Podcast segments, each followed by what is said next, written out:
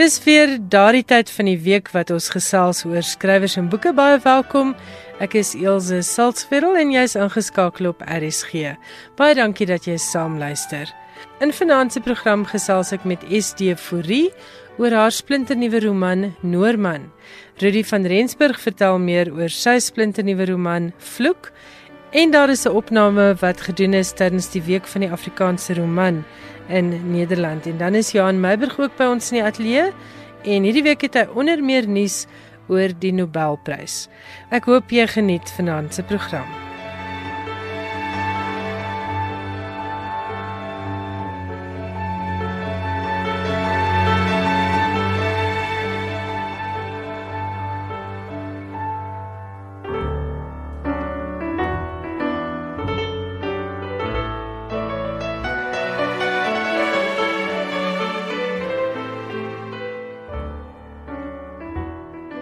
Hy word skreeuend wakker, sy arms wild.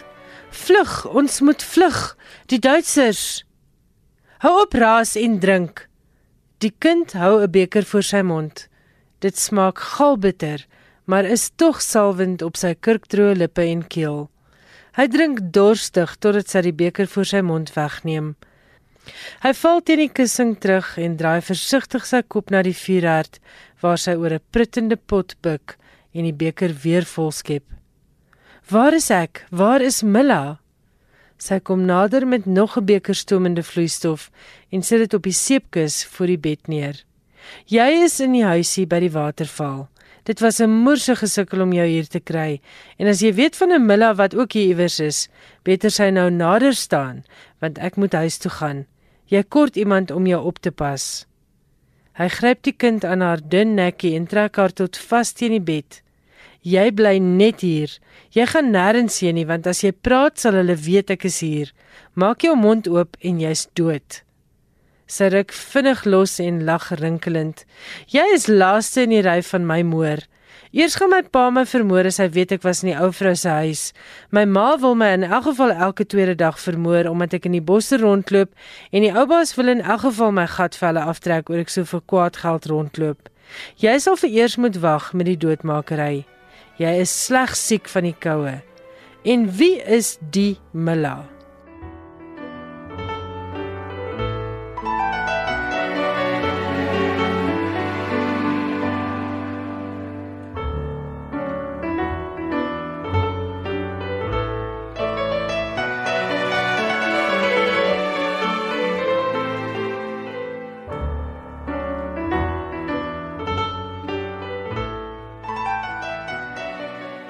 En so skryf Esteforie, maar hier is sy self om jou meer te vertel oor haar jongste roman Noorman.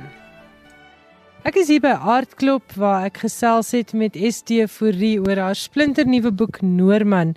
Nou vir die wat nie weet nie, Est is die skrywer van Die Lanternswaier en ook van Die Dooies Leef wat albei al op RSG voorgeles is. Estie baie welkom by Skrywers en Boeke. Ag baie dankie, dis 'n wonderlike voorreg om weer hier te wees. Ek het Noorman so baie geniet. Dit is 'n lieflike byna 'n oudtydse verhaal. Dis 'n regte warmbloedige storie met baie interessante kinkels en kabels. Waar het die idee vandaan gekom?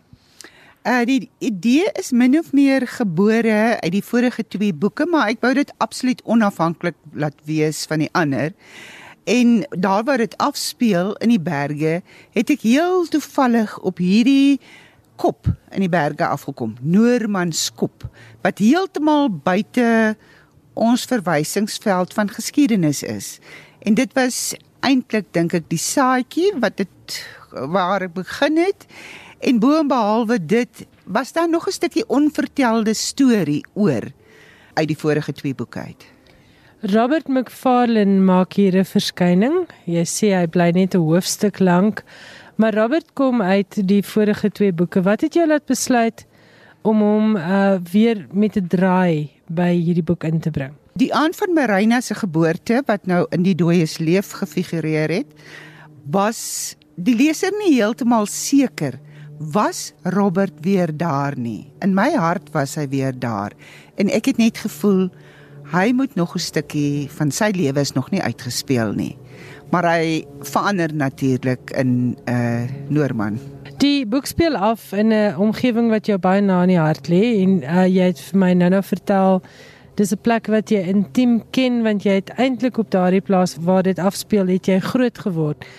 Was dit 'n bewustelike besluit? Ja, ek skryf eintlik al my boeke vir my kleinkinders. Hoopelik dat hulle eendag gaan weet waar het ouma rondgeloop. Nou, Vredehoek was 'n werklik ware deel van my kinderjare wat ek die heel beste onthou en met die wonderlikste herinneringe van ure in die berge en by die waterval speel. En ek wou dit graag weer terugbring. En daar het nog ietsie oorgebly uit die vorige twee boeke wat nog nie klaar vertel was nie. Alhoewel jy nie die vorige boeke hoef te lees om Noorman te geniet nie. Dit is eintlik 'n heeltemal 'n splinter nuwe storie. Ja, ek moet vir die lesers sê en vir die luisteraars sê dit is 'n storie op sy eie. Ek dink lesers wat wel die Lanternswaaier en die Dooies leef gelees het, gaan dalk 'n uh, effens groter prentjie sien as die res van ons, maar dis 'n lieflike boek op sy eie. Daar's 'n wonderlike uiteenlopende mengsel van karakters en daar is Lewisa wat later Louisa word, Maria die boervrou wat 'n baie sterk karakter is. Uh Noorman self, dan is daar Jan en sy pa Piet, die boere op Vredehoek. En dan staan twee wonderlike Joodse karakters waaroor ons nou nie eers eintlik in ons gesprek hier by Aardklop gepraat het nie. Hoe kies jy karakters vir jou boeke? Weet jy, dit is nogal uh ja, dit is dalk 'n bietjie van 'n lang storie. Ek het 'n esel, 'n groot esel wat in my skryfkamer staan en die karakters word nog gebore in my kop. Ek loop hulle eers langs die see uit. Ek stap. Elke dag stap ek totdat ek al my karakters bymekaar het. Dan gaan skryf ek hulle op die esel neer wat 'n groot blad is en dan gee ek vir hulle name, geboortedatums, presies hoe hulle lyk en as ek die hele spul op klompblaai het, is die storie ook eintlik min of meer langs die see uitgestap. Ek het die wonderlike voorreg dat ek in 'n lieflike omgewing bly waar stories sommer maklik kom. Jy het vir ons nou nou vertel jy het op 60 nadat jy afgetree het van jou brood en botter werk het jy besluit jy wil voltyds skryf. Voor dit was jy 'n kontryskrywer. Vertel vir ons so 'n bietjie van jou skryfpad. Ek het begin as 'n kontryskrywer eintlik in die plaaslike koerant. Het ek moes ek weekliks 'n rubriek skryf. Nou ek kom uit die streek wat ons die Strandveld noem, noem nou onder by die see en dit is 'n pragtige en 'n lieflike streek met 'n ou geskiedenis en baie baie stories. So daardie stories het ek eers uh vir 10 jaar verwerk in uh, rubrieke uit die kontry uit. Uh so dit is min of meer waar ek begin het en ek en my man was hy was ook 'n skrywer en ook 'n kontry skrywer. Hy het begin met wisselstrale oor die strandveld en toe het ons later uh oorgegaan en saam begin skryf want dis kan die duine en al sulke uh, klein Ja, ek kan amper sê kontry boeke. Ons is al twee baie baie lief daarvoor. Ons het toe saam skrywers geword. En toe daaruit het ek toe later begin romans skryf. En jy is ook 'n ywerige bewaarder van geskiedenis en kultuur. Jy en jou man het ook 'n museumpie begin op Franskraal, is ek reg? Dis reg, ja. Nee, ons het op Franskraal 'n klein museum begin so ongeveer 19 jaar gelede. En dit is nogal 'n baie interessante streek want daar's soveel skipbreuke plaasgevind. Ek dink nie daar in die stukkie waar ons bly ongeveer 20. So daar's baie geskiedenis om te versamel. Die museum was eintlik my man se groot liefde. Hy het dit hy was 'n onderwyser en hy het met 'n museum in die skool begin. Toe hy die dag aftree, toe moes daai museum nou huis toe kom en daar was nie meer plek in ons huis nie. Toe het ons nou die museum saam begin. Ek is passievol oor die museum want in 'n museum lê daar duisend stories begrawe. So ek ons twee deel dit. Dit was ons in saam. Uh ons was mede-kuratore en ons het uh maar dit so gaan daarmee. Jy het nou-nou ook vertel uh dat die ruimte in hierdie boek eintlik 'n karakter word. In Noorman is daar al die wonderlike uiteenlopende menslike karakters, maar die plek speel 'n groot rol. Dit is soos jy nou vroeër gesê het jou jou grootword plek. Maar kies jy om om ruimte deel van 'n storie te maak? Want jy kleer dit wonderlik in. Mens voel asof jy op daardie voetpaadjies gestap het, in daardie woud was, in die waterval se poel geswem het. Is dit 'n bewuslike keuse reg van dat jy met 'n boek begin? Ja, dit is. Ek het dit in my vorige boeke ook gedoen dat die plase is ook vir my 'n karakter. Ek ek is bevoorreg. Ek woon in 'n lieflike streek met ou geskiedenis waarvan baie met die see te doen het. Uh so ruimte en die omgewing speel werklik 'n rol in al my stories. Ek gebruik dit alles. En Vredehoek was nou my Shangri-La toe ek 'n klein dogtertjie was. So ek wou dit net weer 'n slag goed onthou.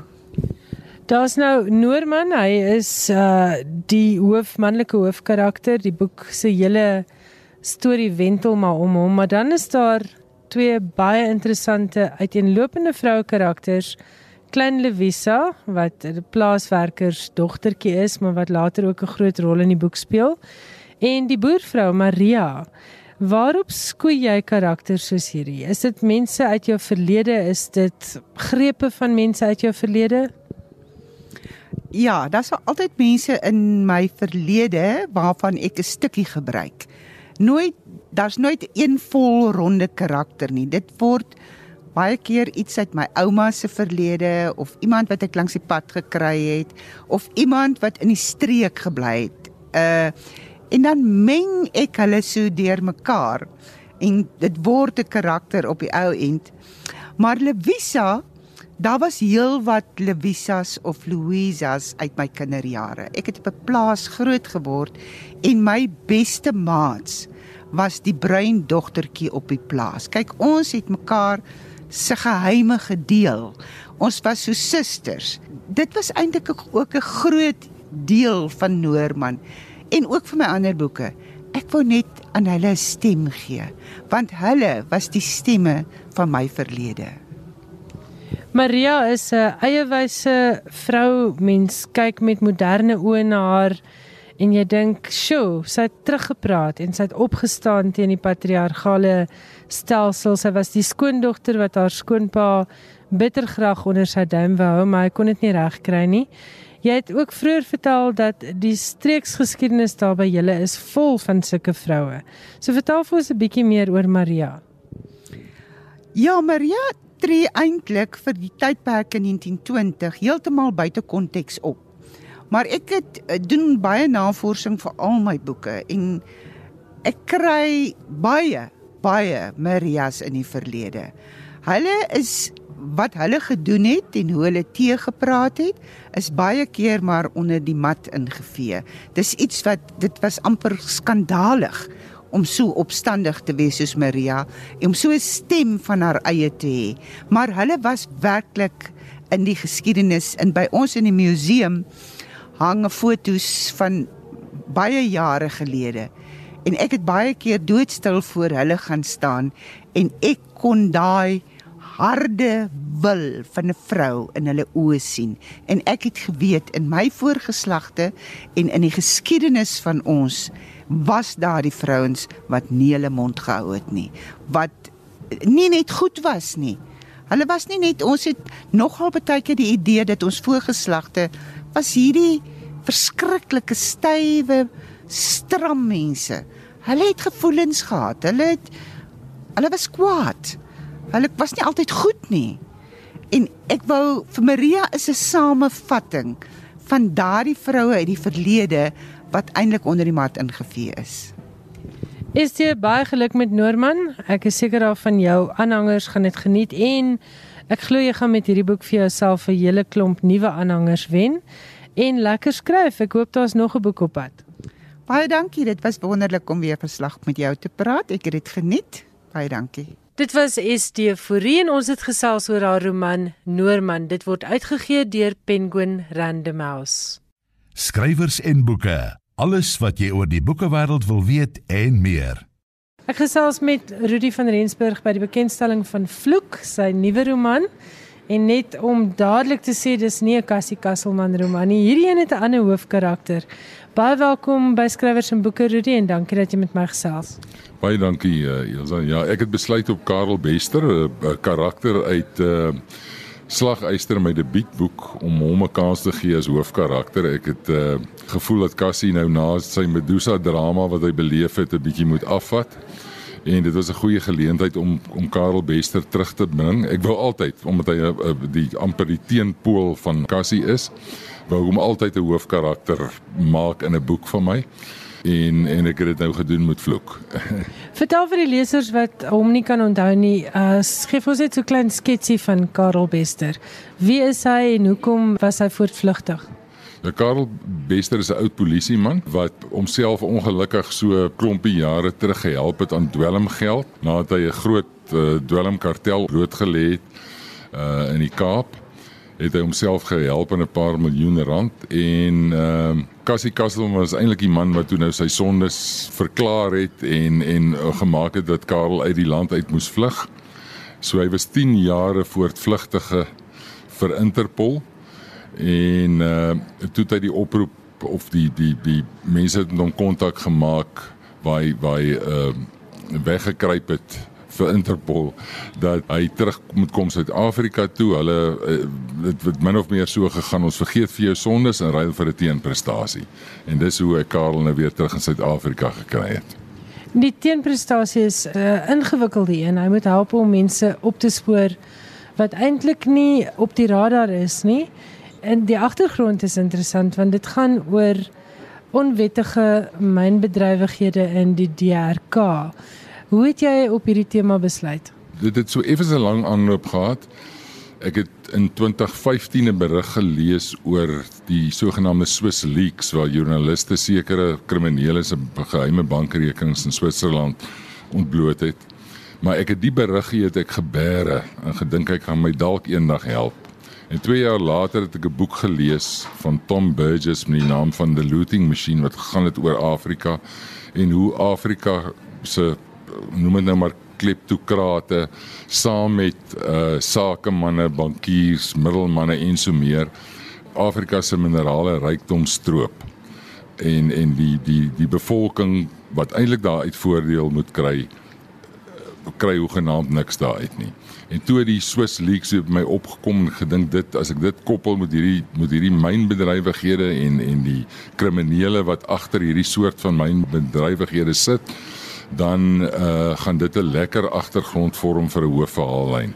En dit is maar hoe dit gebeur het dat ek dat ek op daai tema besluit het. Daar's 'n ander interessante storielyn en ek terloops ek wil vir die luisteraars sê hierdie dink ek is een van jou beste boeke nog en ek is 'n aanhanger van jou skryfwerk oor die algemeen, maar hier in hierdie boek oortref jy jouself want daar's verskillende verhaallyne wat die leser nogal dwing om te konsentreer maar wat vir my ook baie interessant was want dis goed waarvan ek nie eintlik voorheen geweet het nie. Daar is 'n ver regse karakter in hierdie boek. Karel Bester het gesorg dat hierdie ou en sy hele bende in die tronk beland. Hierdie man wil wraak neem op Karel Bester. Hy is nie net ver regs nie, hy hy is heeltemal stapelgek en glo in goed wat ek nie eens geweet het bestaan nie, maar jy het nou vanaand vertel oor jou navorsing in hierdie ondergrondse beweging. Vertel vir die luisteraars bietjie oor die Toeklan. Ja, die die organisasie is geskoei op basies die Thule Gesellschaft wat 'n okkultiese Duitse okkultiese groep net voor die Tweede Wêreldoorlog was en baie prominente nasie figure was lid van die Thule Society. En uh die karakter in my boek met die naam van Gideon Miller het toe nou hy was ook geïnspireer deur die Ku Klux Klan se optrede en hy het nou so 'n soort van 'n kombinasie naam vir homself uitgedink van Tuklan uh wat nou 'n baie ver regse organisasie in Suid-Afrika was wat toe deur Karel Bester in die tronk gegooi is. Hy's nou uit die tronk uit voordat hy hierdie organisasie weer wil herleef, wil hy eers wraak neem op Karel Bester, die man wat agter tralies laat beland het. Ek was 'n bietjie bang dat lesers en veral toe ek my manuskrip klaar geskryf het dat my uitgewer gaan dink dat mense kry nie sulke karakters soos wat ek geskep het nie. Jy weet hierdie ou is net te erg. Maar ek het op 'n Kanadese neo-nazi webwerf afgekom wat hulle self the Thule Society noem. En ek kon dit nie glo wat ek gelees het dat mense vandag se tye nog kan glo dat Hitler een of ander onsterflike goddelike karakter is wat aanbid word amper nie. en ek onthou ek het 'n stukkie gekopieer van hierdie webwerf net om vir my uitgewer saam te stuur en te sê voor jy my karakter beoordeel, kyk eers wat gaan in die werklike lewe aan want dit is hoe hierdie ouens optree. Dit was baie interessante navorsing want 3 kwart van hierdie mense se die, die teorieë wat hulle ondersteun en so meer is alles gebaseer op op fiksie. Dis fabels, dit bestaan nie, maar hulle glo vas daaraan en en ongelukkig is nog steeds die situasie met met baie van hierdie neonazi organisasies. Jy het vertel van 'n baie interessante deel van jou navorsing om vas te stel presies hoe werk hierdie onwettige mynery in die DRK? Wil jy ietsie daaroor deel? Ja, ek het toevallig ehm um, ek het baie navorsing reeds slaag gedoen oor die DRK. Maar toe kom ek op Twitter af op 'n uh, 'n karakter wat homself Flamingo Red noem en hy het verskriklike interessante uitsprake oor die DRK en die mynbedrywighede veral gehad. En ek het hom toe gekontak op Twitter en ek wou sy e-posadres hê want ek het gesê ek kan sien hy's 'n ingeligte man oor die situasie. En die volgende dag toe ek nou weer die na, na die Flamingo Red rekening toe gaan toe is hy gesluit. Toe ek dis nou die einde van die storie. En so 2 weke later het hy my via Facebook op uh, my my boodskap my messenger gekontak en gesê ek, hy is Flamingo Red en ek kan hom by hierdie e-posadres kontak. Ek het hom kontak gemaak per e-pos. Hy het hom toe self voorgestel as Fabrice Minga, maar hy dadelik vir my genoem dat dit uh een van sy 100 skuilname is wat hy gebruik. Hy hy noem homself 'n uh, politieke aktivis wat probeer om elke keer die wandade en die die korrupsie wat in die DRK gebeur onder die wêreld aandag te bring deur op sosiale forums onder skuilname heeltyd hierdie wandade bloot te lê. Maar hy vrees vir sy eie lewe, daarom gebruik hy 'n skuilnaam en soos hy vir my gesê het, hy gebruik 100 skuilname in 'n jaar en hy verander heeltyd adresse, e-posadresse en so meer om nie geïdentifiseer te word nie. En hy het my ongelooflike inligting gegee. Ek het vir 'n klomp vrae gestuur. Ek wou net seker maak dat hy geloofwaardig is. Ek het 'n paar vrae wat ek uh, redelik goed navorsing oor gedoen het, ook in hierdie vrae ingesit net om te, sy geloofwaardigheid te toets en hy het teruggekom met omtrent 30 getikte folio's se se antwoorde vir my wat ongelooflike inligting is en wat ook gewys het hierdie ou geloofwaardige bron is. Ek het die idee gekry dat hy of 'n gewese regeringsamptenaar is in die DRK of wat hy nie meer daar is nie maar maar want hierdie binne-inligting wat hy vir my gee is net ongelooflik hoe almal hulle self verryk. Uh elke regeringsamptenaar in die DRK verryk homself, hy verryk sy familie, hy verryk sy vriende en hy het my byvoorbeeld gesê dat die die Zuma tydperk wat ons dalk as erg beskou, lyk soos 'n sonnaskool piknik teen wat elke dag by die DRK plaasvind. En hy het my ongelooflike interessante inligting oor die toestande in die myne gegee hoe kinders uitgebuit word terwyl hulle 12 uur skofte werk, 1 dollar per dag verdien onder verskriklike haglike omstandighede. Vroue, swanger vrouens wat werk. Uh dis gewoonlik in rebelle myne wat nou nie wat nie deur groot maatskappye beheer word nie. Maar dit gebeur en uh dit was dit was ongelooflike inligting wat hy vir my gee wat ek ook in hierdie storie kon inweef. Rudy baie geluk met 'n baie baie goeie roman vir die lesers. Vloek is 'n vernuftige roman, die bloedspat want daar is 'n hele aantal baie bloederige moorde, maar dis 'n slim storielyn, eintlik 'n hele paar interessante slim storielyne en lekker skryf. Ek hoor jou volgende manuskrip is al klaar by die uitgewer. Ja, baie dankie. Elsa Janie, ek skryf lekker en ek my my volgende manuskrip is inderdaad al by die uitgewer, ja. Ek het gesels met Rudy van Rensburg en ons was in Pretoria by die bekendstelling van sy jongste roman Vloek. En ons gaan nou luister wat het Milton Webber opgeneem daar by die week van die Afrikaanse roman. Ons gaan ook volgende week nog tyd afstaan aan nuus oor hierdie week van die Afrikaanse roman. Die week van die Afrikaanse roman is 'n literêre fees wat poog om Afrikaanse skrywers en die Nederlandstalige leserspubliek bymekaar uit te bring. Sommige skrywers se werke is reeds in Nederlands vertaal en ander sal na verwagting binnekort vertaal word. Maar oor na Milton Webber. Ons is hier in Amsterdam teen die einde van die week van die Afrikaanse roman en ek gesels hier met Pieter Odendaal.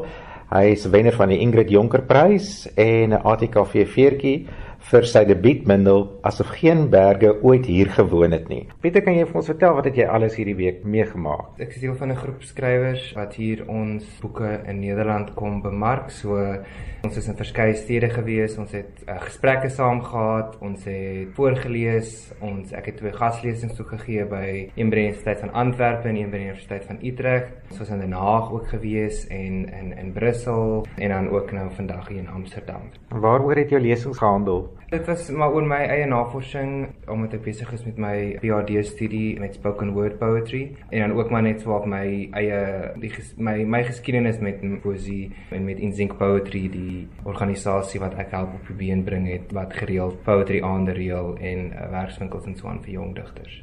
Wat was jou indruk van die Nederlandstalige publiek?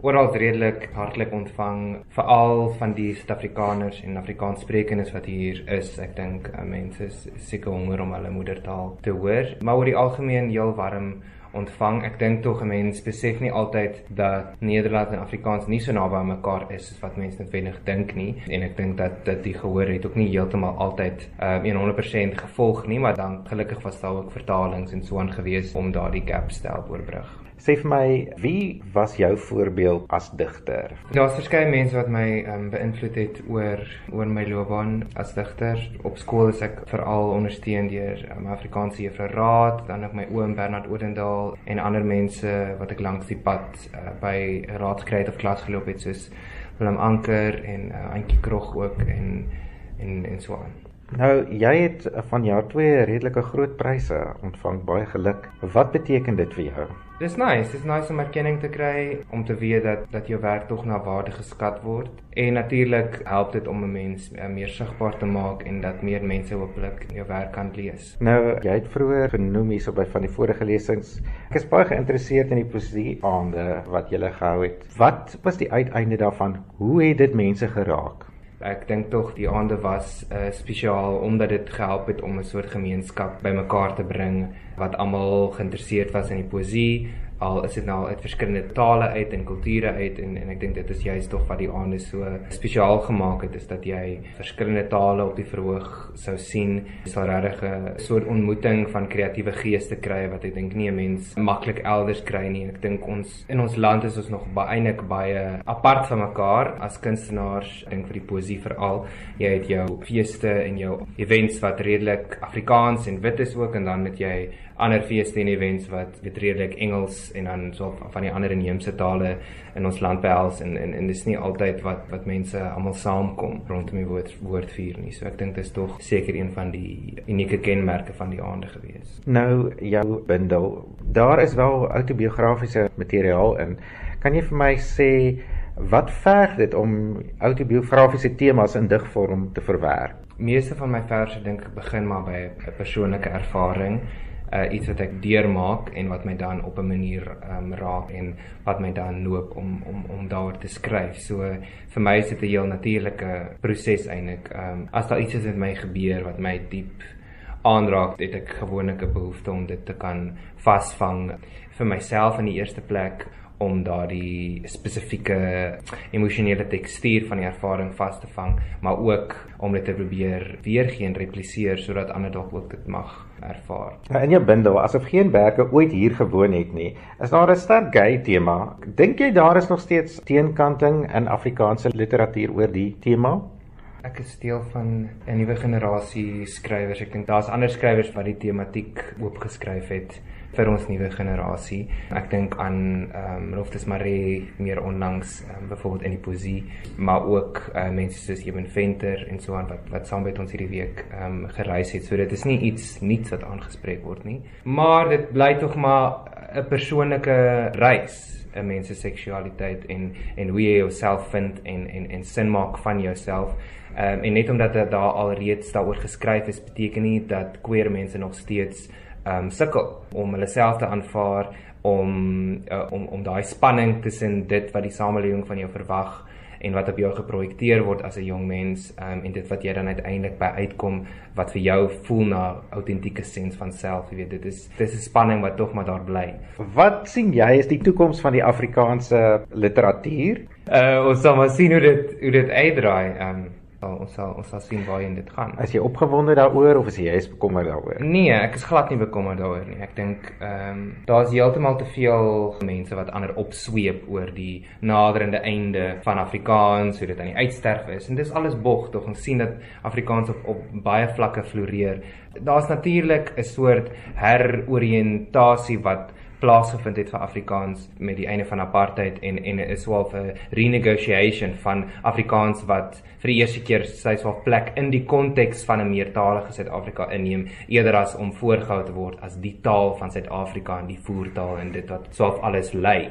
So uh, obviously gaan daar geboortepyne wees, obviously gaan daar verskywings wees, obviously gaan daar mense wees wat baie ongelukkig is, maar ek dink tog nie dat daar, jy weet dat ons môre gaan wakker word en mense gaan ophou om Afrikaans te praat of ophou om, om in Afrikaans te skryf nie. Ek dink actually daar is dit is 'n bloeitydperk vir Afrikaanse vir Afrikaanse poësie veral. Ehm um, daar's 'n hele nuwe generasie jong breindigters spesifiek wat wat besig is om om nuwe wêrelde oop te skryf, digters en rappers en en en romans romansiers ook so ek dink nie ehm um, dit is iets om oor bekommerd te wees nie. Nou, as jy vir enige aspirant digter raad kan gee, iemand wat nou graag sy hand aan sy debuut bundel wil wag, wat sal dit wees? Lees. Dis 'n bietjie van 'n klise advies, maar lees is tog belangrik, is tog fundamenteel. Weet in watter tradisie jy skryf, ken ken die digters wat jou vooraf gegaan het en wat vandag veral wat vandag skryf. Jy weet, weet wie is die mense wat bundels uitbring? Waaroor is dit wat hulle skryf sodat jy weet dat jy ook tot daai gesprek toe toetree want dit is tog nie iets wat in 'n vakuum um, gebeur nie. Ek dink ook vind vind 'n persoon of enkele persone wat jy kan vertrou met jou werk, wat jou kan help en wat jou kan wat jou kan lei. Dit is nie iets wat mense op jou eie hoef of ek dink moet meer sukkel nie. Kry 'n mentor wat jy vertrou wat jou kan help om om om jou stem te sluit. Waaraan werk jy op die oomblik?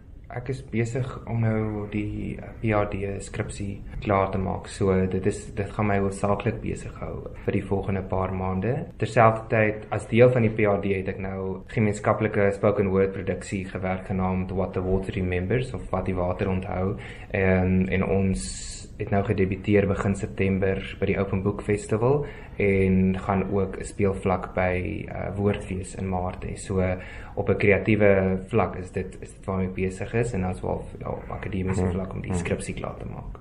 Maar jy woon op die oomblik in Australië om die skripsie klaar te maak. Ja, ja. Ek verneem jy het ook nog ander talente wat jy vanaand gaan tentoonstel by 'n bespreking van jou bundel by 'n ander geleentheid. Kan jy ons 'n bietjie meer daarvan vertel? Ek hou van klavier speel. Ek het dit van baie jongs af speel ek al klavier en dit het swaalf daar was al 'n bietjie van 'n lal gewees. Ehm um, ek moes my klavier in my vroeë 20's hier reg op klavier wat ek van my ouers gekry het, verkoop om my huur te betaal. En toe het ek toe dit net so 'n bietjie agterweë gebly, maar onlangs het ek weer daardie passie begin aanvuur en ek is ek ek hou veral van om my met die gedigte te begelei met die klavier en om dit bietjie meer daarmee te eksperimenteer. So ja, ons sal sien waarheen dit gaan. Tot wanneer is jy nog in Nederland? Tot oormôre toe en dan is dit nou terug. Ja. Vir die lang reis is dit dan na Australië toe. Ja, ja. Nou maar ons wens jou 'n uh, veilige terugreis en baie dankie vir die geleentheid om met jou te kon praat. Dankie vir jou, Martin. Baie dankie Milton Webber. Ons luister volgende week na nog bydraes wat Milton opgeneem het tydens die week van die Afrikaanse roman. Jy luister na skrywers en boeke op RSG. Johan Meiburg, dit is altyd vir my lekker om jou in die skrywers en boeke ateljee te verwelkom en vanaand praat jy onder meer oor die Nobelprys. Wat is nuus daar? Baie dankie. Twee Nobelpryswenners vir letterkunde word na verwagting môre aangekondig een vir 2018 en die ander een vir 2019. Dit kom nadat die letterkundeprys verlede jaar nie toegeken is nie as gevolg van 'n skandaal wat seksuele wangedrag en finansiële onreëlmatighede in die Sweedse Akademie, die liggaam wat die prys administreer, aan die lig gekom het. Die pryskomitee het luidens se berig in The Guardian aangedui dat hy nie net oorgehaal is om die Nobelprys vir letterkunde in ere te herstel nie, maar om ook iets te doen aan die oorwig manskrywers en skrywers met 'n Europese perspektief wat voorheen in aanmerking gekom het.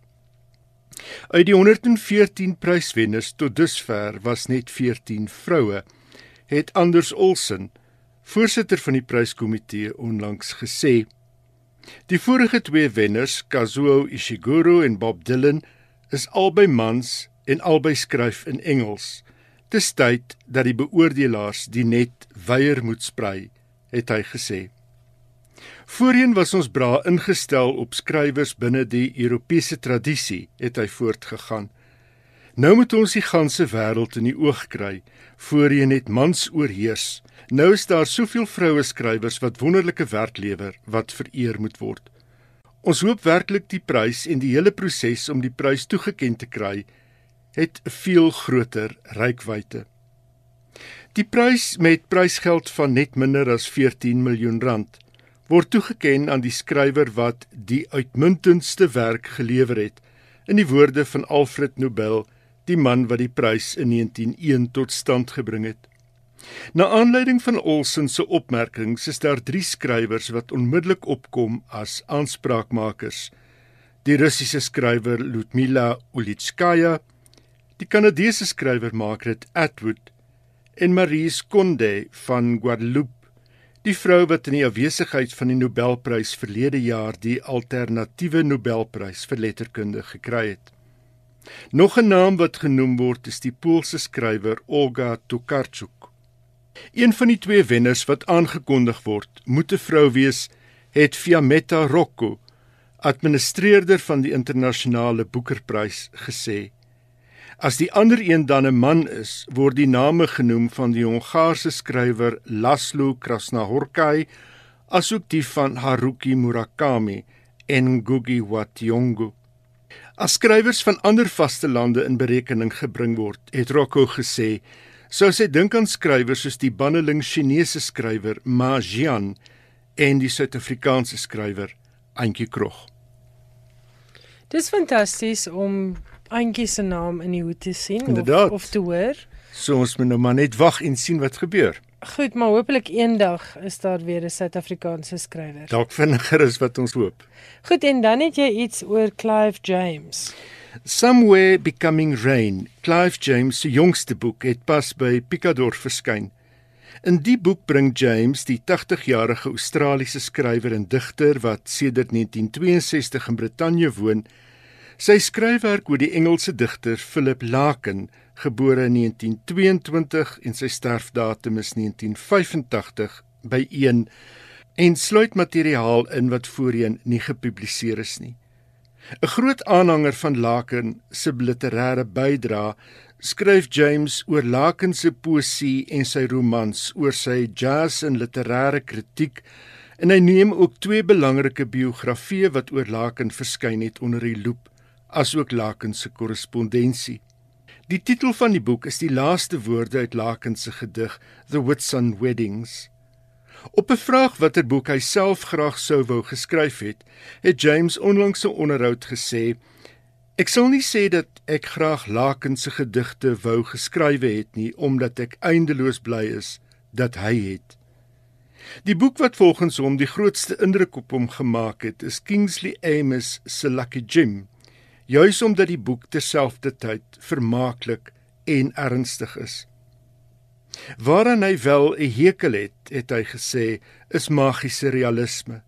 Die meeste oorskatte boeke spruit voort uit een enkele genre, magiese realisme. Ek kan dit kwaliek uitstaan.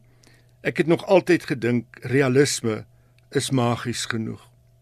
Hier is 'n uittreksel uit 'n voordrag wat Clive James gelewer het op die Hay Literêre Fees in 2004. Doctors and teachers, I ask you, what is hell? I submit it is the agony of being unable to love.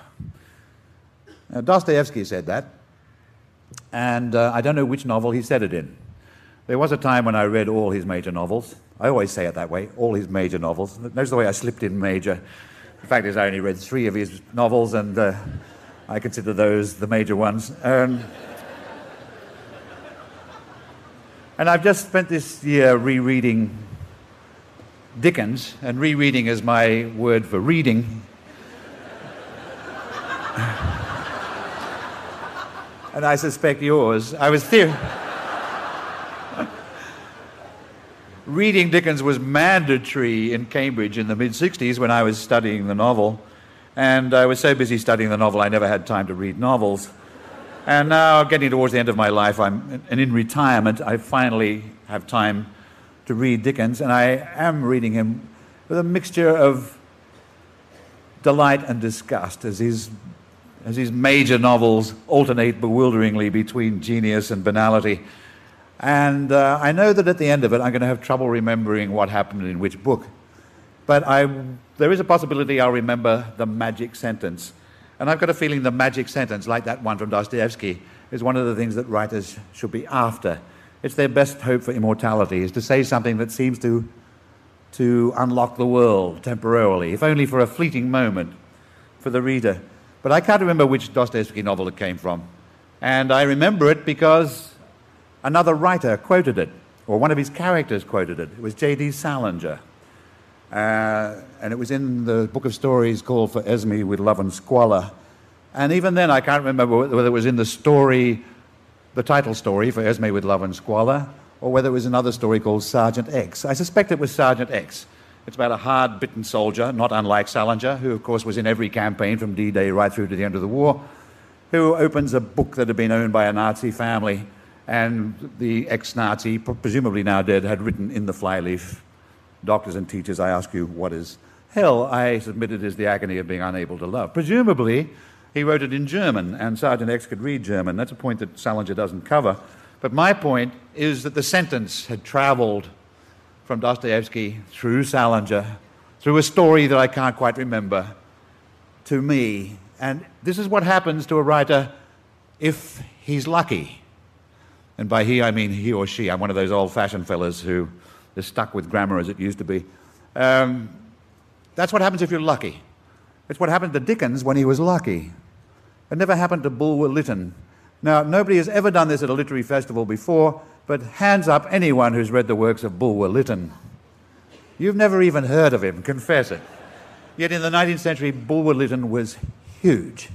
If there had been a Hay on Wye literary festival at the height of Bulwer Lytton's career, snaring Bulwer Lytton for the festival would have been the coup.